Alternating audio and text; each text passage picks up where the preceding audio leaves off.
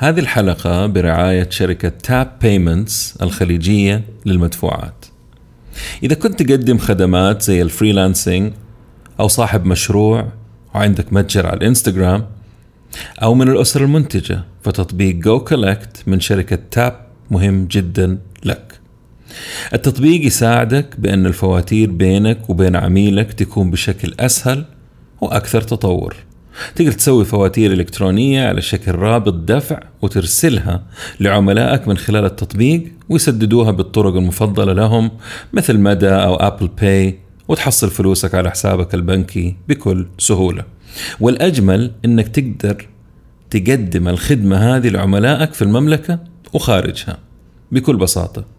تنشئ فاتورة ترسل رابط الدفع حصل فلوسك. تقدر تحمل تطبيق جو كولكت الآن وتتعرف على طريقة عمله في وصف هذه الحلقة.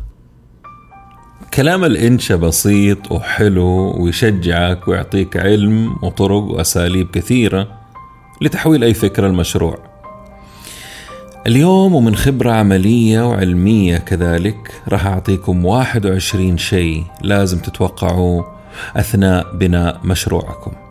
وطبعا ال 21 حاجة هذه تندرج وبقوة تحت مظلة تخفيض التوقعات والرجوع لأرض الواقع عشان مشروعكم يشوف النور وما تفقدوا عقلكم وصوابكم خلال الرحلة. أهم شيء عندي في أي مشروع هو الرحلة. تخيل نفسك في فيلم وإنت بطل هذا الفيلم. عشان تفوز بالجائزة راح تواجه عقبات وصعاب ومنعطفات ومفارقات كثيرة قبل الوصول.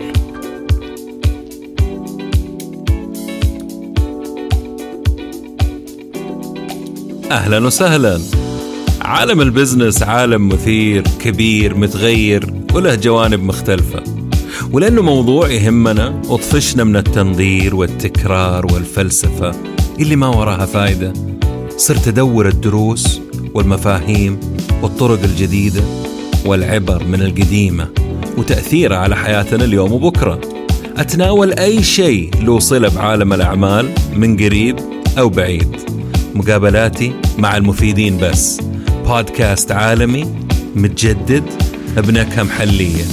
وأهم شيء أهم شيء عملي وعربي.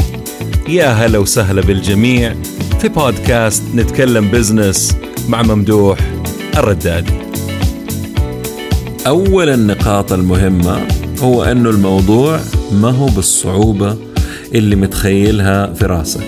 لو درست الموضوع كويس وتعبت في الدراسة وغطيتها بجميع النواحي وأنت شخصيا مقتنع تماما إنه في حاجة للشيء اللي راح تقدمه والموضوع ما هو هبقه عابرة أو تقليد أعمى آه، اللي تحتاجه هنا إنك تتجرأ وتخرج من منطقة الخوف والتردد والراحة والمشاورات والمهاترات وزيادة تجميع العلم في الموضوع وتنط في مسبح ريادة الأعمال. وبعدها كل خطوة راح توضح لك خطوة ما كنت شايفها من موقعك الحالي. اللي هو سريرك أو كنبتك المفضلة أو المقهى المختص اللي تروحوا مع صاحبك كاتم السر. النقطة الثانية هي عكس الأولى. الموضوع ما هو بالسهولة اللي أنت شايفها ومتخيلها. تحسه جالس آه، ألعب معاكم خذني جيتك آه، تعال روح آه، لا ابدا. الاقتناع بالفكرة وجدواها شيء والشجاعة شيء وأرض الواقع حاجة من كوكب ثاني مختلف ما يعرفك ولا يعرف في تقاليدك وتوقعاتك. كل اللي تتوقعه آه، حاول تضربه في عشرة أو مية أحيانا. يعني توقعت مثلا إنه السجل قالوا لك بياخذ 24 ساعة وتكون شغال على طول خلاص أعطيه ثلاثة أيام. توقعت إنه المستثمر راح يحول لك الفلوس بعد أسبوع توقع شهر. شريكك وعدك إنه راح ينهي الموضوع خلال يومين أعطي أسبوعين. توقعت إنه العملاء راح يزوروا محلكم آه، بالعشرة أنفار كل عشرة دقائق توقع زبون كل نص ساعة. خفضوا السقف حق التوقعات أكثر من كذا لا أكثر كمان شوية. كمان شوية؟ أيوة هنا. النقطة الثالثة تخص الناس ووعودهم لك. الناس اللي قالت لك أكيد طبعا ولا يهمك أنت أبدأ بس. عندي يا أبو هندي تم أعتبر الموضوع منتهي. أبشر. دائما حط نفسك محلهم لوهلة. الآن حط نفسك مكانهم في حياتهم. آه ليوم واحد. بجميع أشغالهم أمورهم مشاكلهم أهلهم نفسياتهم فرصهم فرحهم وزعلهم. كفاية صح؟ هذه فئه ما راح تنفذ وعدها بسرعة. وعندك فئة ثانية متحمسة مع الموضوع معاك يمكن ساعتها كان مزاجه رايق أو مزاجها رايق وراضين عنكم وعن حالهم وقالوا تمام في لحظتها وهم في الأساس ما دروا إيش يبغوا من الدنيا فما بالك من مشروعك واللي جاته فرصة أفضل واللي مريض واللي يتمارض واللي أساسا يعني جاله صاحبه وقال له انتبه بلاش تشتغل مع فلان أو وش لك وش المخاطر ولا آه، ومثلا اللي أساسا بياع كلام بس كل الناس داير يقول لهم أبشر عندي وما يهمك. زي ما أنتم شايفين كمية لا بأس بها من الناس اللي ما كانت ولن تكون جادة. وعلى فكرة ترى البيئة والمدينة اللي أنت فيها لها تأثير كبير بدون ما أدخل في تفاصيل أي مدينة أقصد وإيش المدن اللي مختلفة عن غيرها. ولكن سبحان الله تختلف من مدينة لأخرى. في مدينة تلقاها اقتصادية وفي مدينة بالاسم اقتصادية ولكنها ما هي اقتصادية.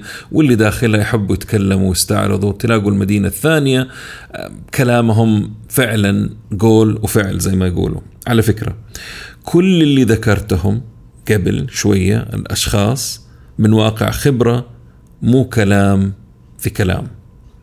أعطي نفسك فرصة وكبر الشبكة أو كبر الشبكة وإذا وعدت أحد أعطيهم خبر إنك في محادثات. يعني اتفقت مع جهة أو شخص قول لهم ان أنتم ترى على فكرة في محادثات ثانية يعني مو بس أنتم الوحيدين اللي أنا آه، بتقابل معاكم. يعني ما فيها حاجة. هذا بزنس فطبيعي جدا إنه يكون عندكم أشخاص ثانيين رايحين تقابلوهم يمكن ما حددتوا مين ولكن بينوا له إنه الوقت عامل مهم.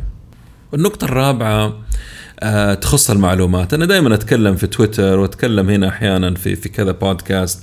المعلومات الزيادة قد تضرك وتشوش عليكم وتلخبط حالكم. في حاجة بالإنجليزي اسمها information overload. طفح معلوماتي. تخيل كل يوم أنا ممدوح ما يقرأ إلا في ريادة الأعمال والتسويق وكل ساعة وكل يوم وكل شهر طول السنة طول عمري. هنا راح يختلفوا معاي الكثير. منهم اللي يقول لك أيوه انه بعد عشر ألاف ساعة أو سبع سنين راح تصير إنسان مختص في هذا المجال أو العلم إنك أتقنته أو تعلمته. في فرق بين أتقنته وبين أتعلمته. آه، ممكن وممكن مختص لا يهش ولا ينش. في ناس راح تقول بالعكس كذا راح يتعلم كل شيء في المجال ومن جميع جوانبه ويتعلم من غيره وتجاربهم. صحيح. وممكن كل اللي تعلمته لما يجي وقت التطبيق يعتبر شيء قديم منتهي صلاحيته منتهية وما له شيء في أرض الواقع يعني. في ناس راح تقول زيادة العلم ما عمرها ضرت أحد. يعني شايفين كيف اختلاف الآراء؟ ممكن أتفق معاهم وما راح أجيب سيرة المجانين اللي العلم جننهم، لكن الهدف من العلم بالنسبة لك أنت إيش؟ هل فعلا يعني تبى تعمل business وتشتغل؟ وتكون رائد أعمال ولا تبغى تكون رائد إعلام؟ تبغى تتعلم وتتكلم وتكتب threads وتكتب في تويتر وتسوي لك فيديو في يوتيوب. ما فيها شيء طبيعي. لكن لا تضحك على نفسك إحنا بنتكلم عن أنفسكم. طيب يعني في ناس مجرد كلام في كلام ما عمرهم طبقوا شيء في أرض الواقع. دائما أنا أنصح بالتالي. نقح المعلومات. حدث مصادرك حسب الوقت اللي انت موجود فيه. اختصره اختصر المصادر حقتك. نفذ راجع معلوماتك. كمل. لا توقف عمل. وكمل في تجميع المعلومات الحديثة. يعني تحديث المعلومات شيء مهم. وفي نفس الوقت تختصر وتشوف إيش اللي يفيدك وإيش اللي ما يفيدك. خامس نقطة. كثير من المعلومات الموجودة في الساحات الاجتماعية. كتبوها ناس عمرهم ما كان عندهم مشروع سواء ناجح أو فاشل. يعني ما خاضوا التجربة وكلامهم مجرد علم بدون عمل. ما أنكر أنه بعض أكرر وأقول بعضه مفيد ولكن 95% أو 90% منه غير مجدي. تخيل تعلمني السباحة ولا الرماية ولا ركوب الخيل من thread على تويتر. تخيل. تخيل تعلمني كل شيء ولا شيء في نفس الوقت. كثير منكم عارف إنهم عارفين لكنكم طيبين ومجاملين وما تحبوا تزعلوا أحد لكن في نهاية المطاف هذه حياة ناس ومستقبلهم. نتكلم عن ال business يعني. في فرق بين شخص يعلمني كيف أسوق اونلاين وبين شخص يعلمني كيف أنفذ مشروع على أرض الواقع. الاثنين مختلفين على فكرة. الأول آه، يشتغل في مجال التسويق أونلاين والثاني يشتغل في صناعة محتوى أونلاين. بس عمره ما نفذ مشروع على أرض الواقع ولا حتى متجر إلكتروني ناجح أو فاشل. أكرر كلمة فاشل لأنه الفشل يعلم.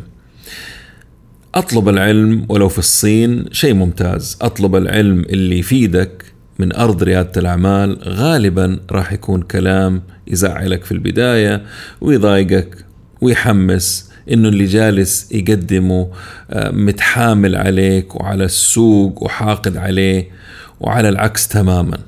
هو بيعطيك وقائع حقائق طرق تنفع وطرق ما تنفعك. نصائح شخصية عقبات تجاوزات مفارقات خسائر ودروس نجاح وطرق واختصارات كلها أشياء من أرض الواقع. أنا متابع لعدة أشخاص رجال أعمال وصناع محتوى على تويتر وشايف إنه قلة. والله يمكن أقدر أقول 2% من اللي بيعطوا النصائح المفيدة آه، رجال أعمال ومن واقع تجربة يتكلموا ويستفزوا القارئ. اللي جاي يبغى كلام حلو كلام يدلعه كلام يحمسه. لا هذه يعطيك هي في الوجه في الجبهة زي ما يقولوا. يقول لك واحد زائد واحد يساوي اثنين ما يساوي اثنين أو ربع. فتلاقي الناس تدخل تتضارب معاه لا أنت كذا بتدمرنا بتحطمنا. هو الهدف ابدا عمره ما كان من رجل أعمال إنه يحطم أحد. هو بيقول لك شيء مر فيه. في فرق بينه هو وفرق بين الشخص اللي جالس ورا مكتب وجالس يكتب ويعطيكم نصائح. معليش لا تزعلوا مني هذا واقع. نيجي النقطة السادسة اللي هي نقطة مرة حساسة عن الشراكات. الشراكات الرائعة الناجحة نادرة جدا. هذه الشراكات أنصح بالابتعاد عنها قبل ما أتكلم في الموضوع. صديق مقرب قريب حبيب تخيل واحد يتشارك مع الثلاثة مجموعين في شخص واحد. الشراكة تعريفها البسيط هي اتفاق بين طرفين لتحقيق هدف مشترك كل طرف يقدم شيء ويعرف اللي له واللي عليه. عشان كذا في الشراكة أبحث عن واحد اللي أفضل منك اثنين اللي جاد ثلاثة اللي يقدم شيء أنت ما تقدمه. وعشان كذا برضو كل كلمة وكل سطر في عقد الشراكة لازم يطلع عليه محامي مختص تجاري مو محاوز محامي حق زواج وطلاق على فكرة. وقت ما تحصل المشاكل في الشركة أو الإفلاس لا سمح الله تحس إنه بركان انفجر وكل واحد يوجه أصابع الاتهام للآخر يحاول ياخذ اللي يقدر ياخذه في الشركة حتى لو خسرانة وإذا ما قدر يحاول يدمر شريكه. وليش؟ من البداية ضبطوا أموركم وأبتعد. يعني أبعد عن الشريك وغني له خاصة الشريك التعبان اللي ما يفيدك. دائما قبل أي شراكة أسأل نفسك هل هذا الشريك ممكن أتعايش معه فترة طويلة؟ حتى وأنا طفشان وأنا منفسن وأنا قرفان من كل الأمور هل هذا الشريك يضيف لي؟ هل هذا الشريك متفهم لأمور التجارة والربح والخسارة؟ حطوا لي خطين وهايلايت على هذه الكلمة. هل هذا الشريك لو خسرنا راح يفهم ولا راح يقلب طفل ويتشكى ويروح يجري لبابا وماما؟ اختبار الشريك مشروع لوحده يحتاج وقت وصبر ودراسة وتمهل واختبار واختبار. طيب النقطة السابعة ما حد يعرف النوايا سوى خالقنا سبحانه وتعالى. ولكن مع الوقت واقتراب الانتهاء من أمر ما النية سبحان الله تطفو على السطح. عشان كذا كل ما حصل تأخير وتردد أو أي عطل راح يبان معدن اللي قدامك. أدري إنه هذا بودكاست بزنس وهذا جزء آه، يعني يعني مختلف تماما بتكلم في أمور ثانية ولكن أنا بحاول أقدم نصيحة تفيده تفيدك. عارفين العبارة الصغيرة اللي مكتوبة على المراية الجانبية حقت السيارة؟ الأجسام أقرب مما تبدو. أنا راح أقول هناك علامات يجب الانتباه لها. أدري أنه ما في ولا وجه شبه بين الاثنين. مشي حالكم صيف وحر وكذا. من تجاربي الخاصة أحيانا بل نادرا أكتشف الطرف الثاني ونواياه قبل حدوث المشكلة. يعني حرجع أوضح الموضوع ده. مرة صعب إنك تعرف نية اللي قدامك إلا لما يحصل شيء. زي اللي يقول لك ما تعرف صاحبك إلا في السفر هي كده. ولكن في المية النية والوجه أو الوجيهة الأخرى كلها تبان مع حدوث المشكلة. وفوق ما تتصوروا بمراحل. فأرجو الانتباه لهذه النقطة. كيف؟ ما أدري. يعني إيش أقصد كيف؟ ما أدري. إذا لاحظتوا إنه هذا الشريك أو هذا الشخص اللي بتشتغلوا معاه النية ما هي كويسة من البداية. هذا شيء صعب تعرفوه. يعني صعب نحدده أو نقول لكم كيف تعرفوه. أنتوا راح تعرفوا من خلال التعامل مع هذه الأشخاص. آه، أبتعدوا. ليش تستمروا في العلاقة وهي علاقة سامة؟ بس. النقطة الثامنة إنه فكرتك تحتاج شغل أكثر بكثير مما تتخيل آه وقت التنفيذ يعني أنا أتكلم. خذوا بالكم من المعادلات البسيطة هذه. فكرة جديدة تجيك الحماس يكون كم؟ 100% فكرة جديدة تنوي تنفذها الحماس 50% إيجل. فكرة جديدة وإنت بديت فيها الحماس صار 10% فكرة جديدة قطعت فيها مشوار الحماس ناقص 50% إذا الحماس عامل مخيف ومخيف جدا. المقصود من الكلام هذا أنه في بداية الطريق آه وما تقدر تشوف فوق مستوى الأفق يعني حدك الأفق عشان كذا دائما لما صاحب الفكرة يتخيل فكرته يشوف النتيجة النهائية اللي في يد الزبون والعالم جالس يصفق له اللي ما يشوفه هو مكونات المشوار مهما عملت وجهزت نفسك راح تطلع لك أمور ما انتبهت لها أو ما عملتها أو ناقصة داخل المشوار من نقطة البداية للنهاية. لا تزعل كل فكرة عرفها التاريخ مرت في هذا الشيء وأنا مجرد مرسول بيوصل رسالة أطلقوا سراحي don't kill the messenger. النقطة التاسعة الناس تحب الناس الطيبة وفي عالم الأعمال الطيب يأكلوه. أنا ما بنادي إنك تصير أو تصيري أقشر أو تصير قشرة. ولا إنسان كريه أعوذ بالله. خليكم على طبيعتكم وسجيتكم الرائعة ولكن تذكروا أنه عالم الأعمال غابة القوي ياكل الضعيف. وكل يهم نفسه مهما قالوا لكم على الساحات الاجتماعية. الحين أنا أضحك لما أجي أشوف واحد تاجر له خمسين سنة وفجأة بدأ يعطي آه، إنه ترى السوق كويس والسوق يبغى له كذا ويخفي كل الخفايا الباقي اللي بتحصل داخل السوق. هذا يعني في تخبيط بيحصل. ما أدري المهم عارفين لما يقولوا عن إنسان هذا ما يضرك؟ ترى طيب. بالضبط. لا تكون مسوي فيها إنك كمان مقطع السمكة وذيلها. خليك حذر وحاول تكون طبيعي. النقطة العاشرة طريقتك في حياتك ما هي طريقة السوق. كلنا عندنا قيم وطرق تعامل وتربية معينة تختلف من بيت لبيت. وكلنا لنا طريقة تعامل مع الآخرين. نحب الناس يتعاملوا معانا بنفس الطريقة المحترمة البروفيشنال السوق أو الأسواق تختلف والتعامل يختلف من طبقة لطبقة داخله. القوي يفرض طريقته المميز كذلك الفريد من نوعه كذلك الغير معروف الجديد في السوق المكرر العادي تنطبق عليه طريقة السوق وما هي الطريقة اللي هو يحب إنه يتعامل بيها. نقطة 11 الحكم على الآخرين قد يكلفك الكثير. سواء حكمت عليهم من بدري إنهم رائعين أو حكمت عليهم إنهم سيئين. خلي حكمك عليهم بينك وبين نفسك بدون ما تقول لأحد. كثير من الأحيان الإنسان يعتقد إنه فلان عدوه جالس له في عمله والسوق ويطلع مو داري عنه أساسا. وكثير نحكم عليهم إنهم ما يبغون الخير بدون ما نعرفهم حتى.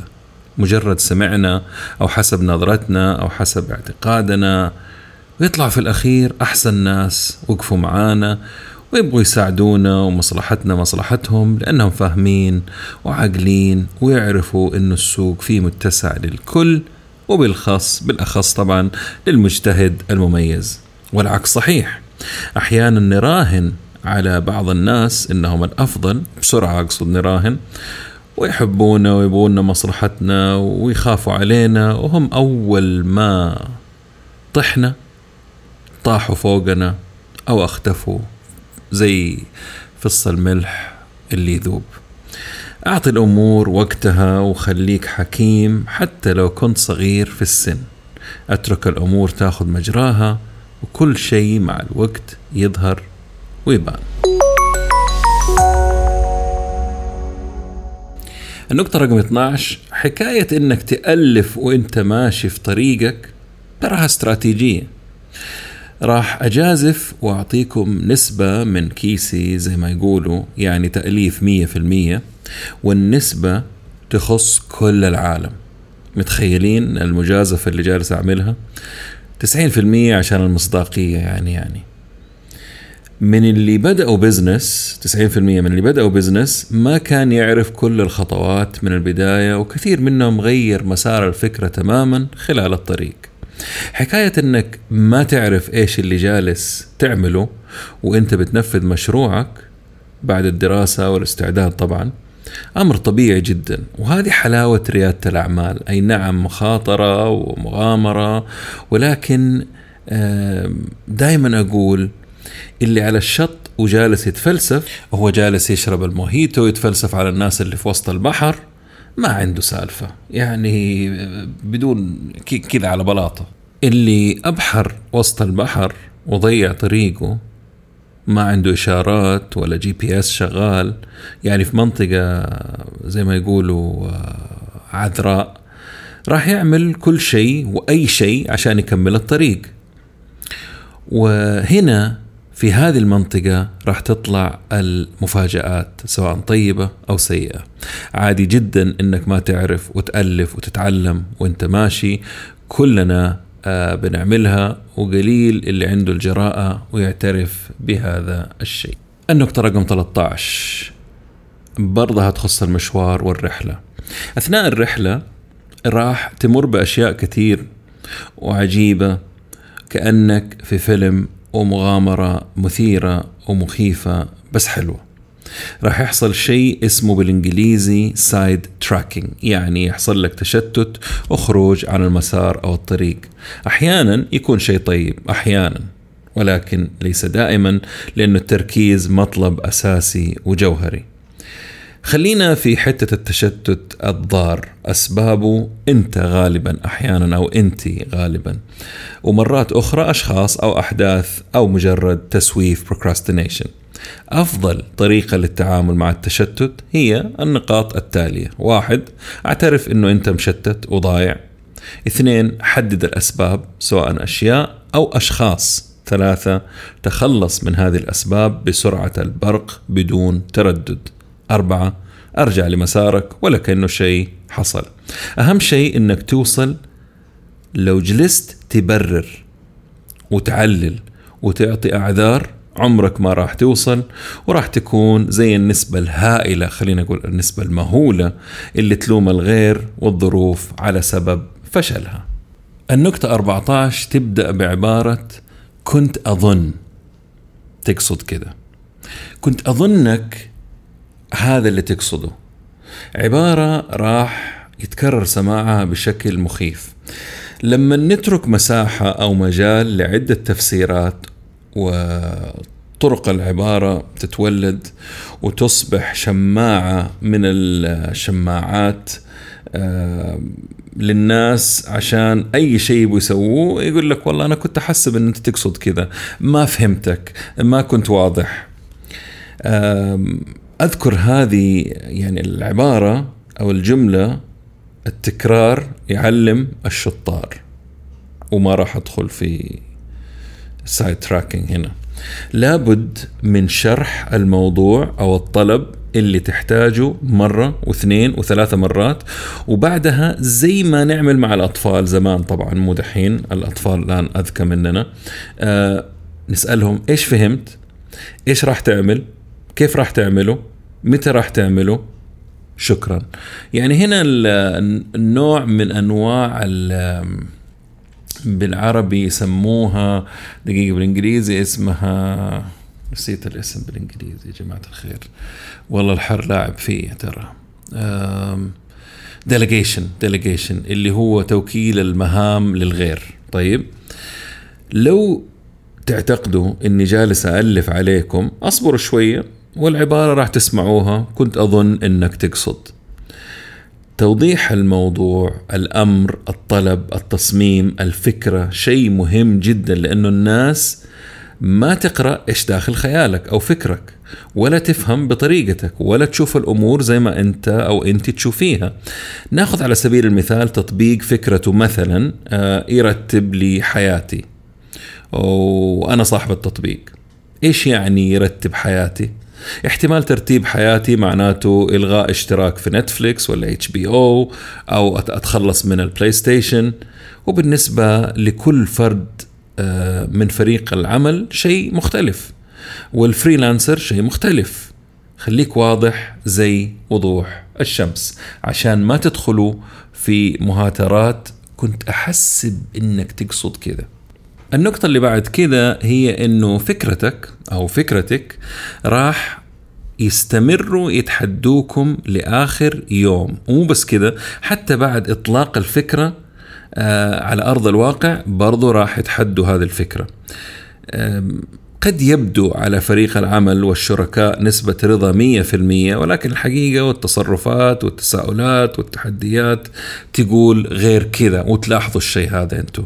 من المهم إنه يكون عندك آه، في فريق العمل شخص يتحداك ويتحدى أفكارك واقتراحاتك شخص ما بقول كلهم عشان تطلع بأفضل فكرة وعشان توضح لك النقط العمياء اللي أنت ما أنت شايفها. لكن إنه كل من هب ودب في الفريق سواء قريب أو بعيد يعطيك رأي ويبغاك تغير فكرتك هذا مرفوض. ليه ما هم يسووا الفكرة؟ يعني تخيل واحد بيغير الفكرة لفكره هو عنده مختلفة تماما. تخيل مثلا نفس فكرة التطبيق حق تنظيم حياتك شغالين عليه ويجيك مصمم مثلا ويعطيك رأيه في صميم عمل المشروع. ولا مبرمج شغال في مشروع ثاني تحتاجه يقول لك الفكرة تحتاج مراجعة آه، وتارك شغله حق البرمجة. لازم تحارب من أجل فكرتك وتسكت اللي ما لهم دخل في الأمور الإدارية على طول ولا الحكاية راح يعني تنخبص وبدل مشروعك ينتهي على شكل تطبيق ينظم حياتك راح يكون تطبيق سلطة فتوش. حلو لما نسمع آراء الآخرين وحلو لما كل إنسان ينشغل في عمله المحدد الواضح. أنت وأنتي صاحبة الفكرة والرؤية والمشروع والمدير. لا تنسوا هذا الأمر وخلي طيبتكم على جنب ولا عمركم ما راح تخلصوا. بقول لكم هي حصلت معاي وحصلت مع ناس كثير. تلاقي الناس بتتدخل في الفكرة والعطلة ومن والله العظيم أحيانا المشروع يتعطل سنة بسبب آراء الآخرين. النقطة هذه تلخبط شوية لكنها مهمة ومتأكد راح تهضموها بسرعة عشان كذا ما راح أطول فيها. لما تكون قائد قاسي ما ينفع العمل ولا الفريق. ولما تكون قائد حبوب وطيوب ما راح ينفع العمل. ولما تكون ذكي أو الأذكى بين الفريق برضو ما راح ينفع.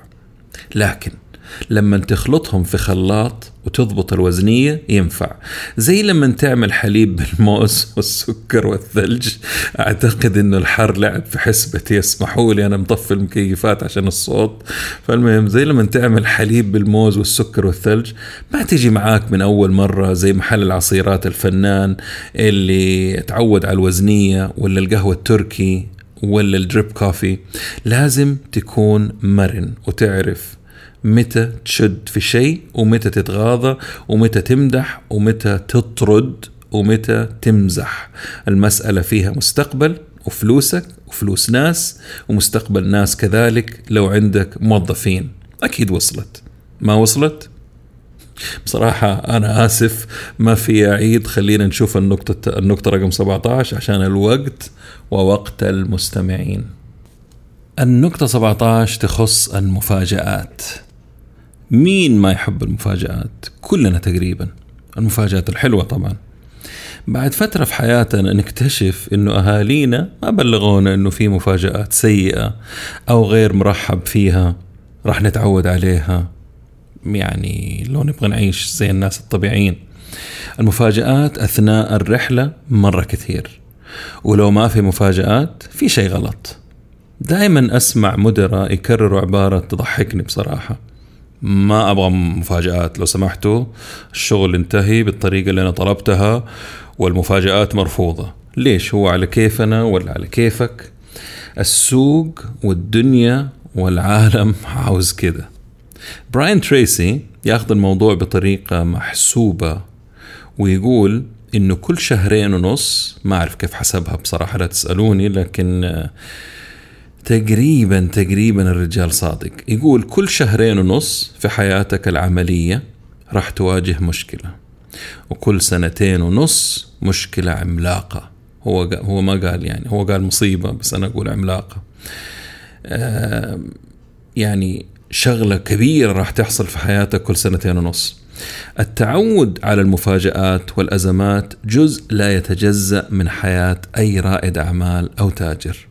المفاجآت ممكن تكون منافس جديد سرقة سرقة فكرة موظف راح للمنافسة وعنده أسرار عمل راح يستخدمها ارتفاع سعر سلعة أولية بشكل مفاجئ بسبب سياسات اقتصادية استقالة مدير مهم عندك مشكلة مالية تراجع عميل كبير عن بيعة بعد إتمامها قضية تترفع عليكم وغيرها.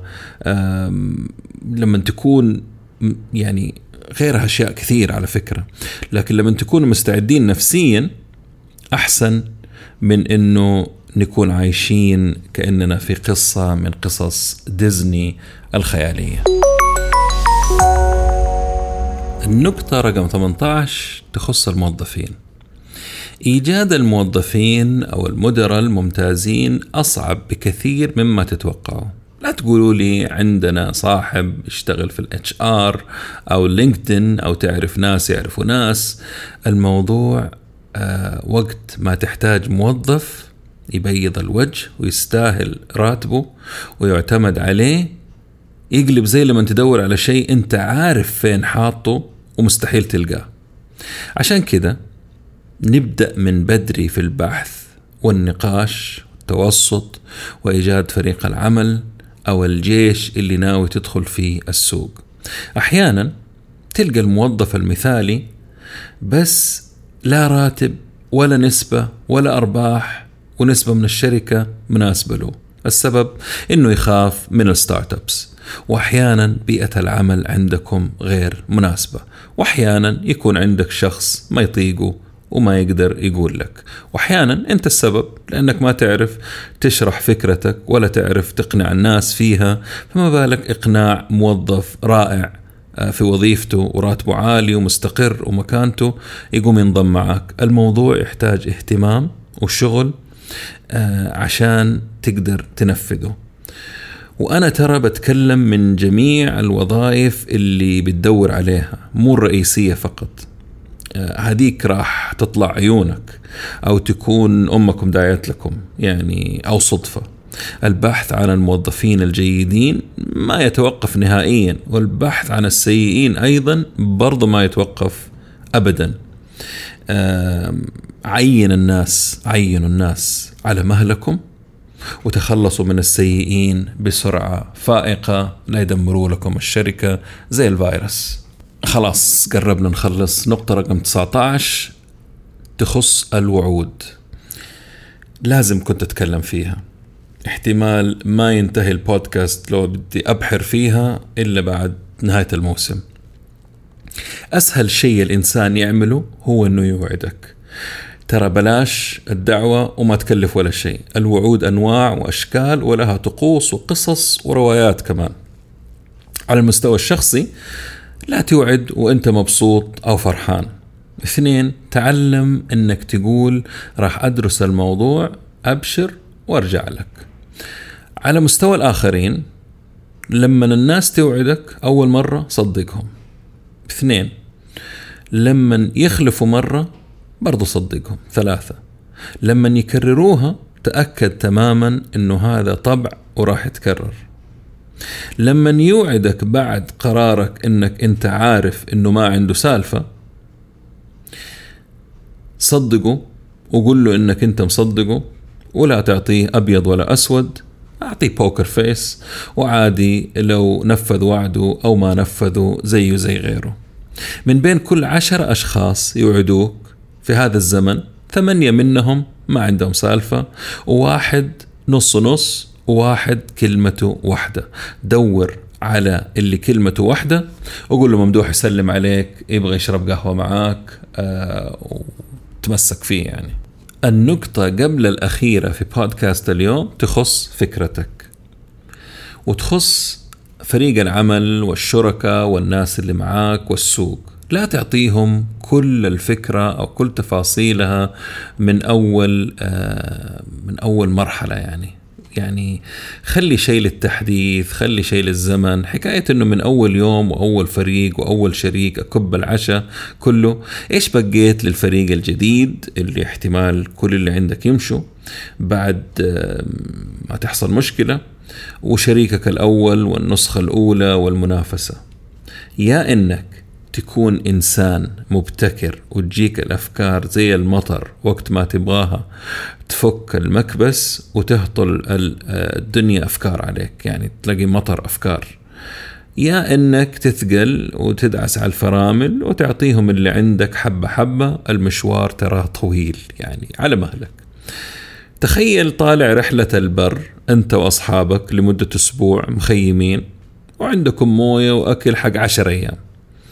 احتياط طبعا. تقوم وتاكلوا كلها في الطريق للمخيم. يعني ما يصير.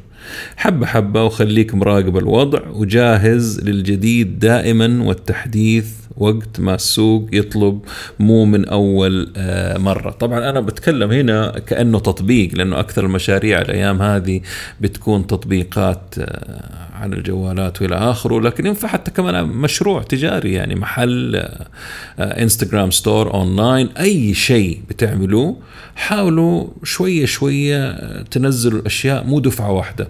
في سياسة تقول إنه أنا أنزل كل شيء دفعة واحدة ولكن السياسة هذه في أول شيء فلوس مركونة على جنب عشان المنافسة عشان ننزل الأسعار وفي أفكار كمان ممكن آه، أطبقها في المستقبل. هذه كانت النقطة قبل الأخيرة. وآخر نقطة اليوم أتمنى تفكروا فيها على مهلكم. المعلومات الدروس الأفكار التقنية التسويق دراسات الجدوى كلها أو كلهم لهم عمر افتراضي وبعد فترة ما لهم قيمة. زي الأكل والأدوية بالضبط. مو مرة بالضبط بس يعني تشبيه. يعني بدل وزارة الصحة اللي تراقب وتسحب الأدوية من السوق المفروض يكون عندكم جهاز إداري خاص فيكم يقيم المعلومات والفكرة والتقنية وغيرها من الأمور ويقول إنه هذه منتهية صلاحيتها خلاص انتهى وقتها. زي البودكاست هذا انتهى خلاص. آه وقته. شكرا لوقتكم ومع السلامة. قبل ما أقول مع السلامة طبعا أتمنى أنكم تعملوا آه تعطوني رأيكم على iTunes تعملوا retweet توزعوا البودكاست. شكرا من القلب. السلام عليكم ورحمة الله وبركاته.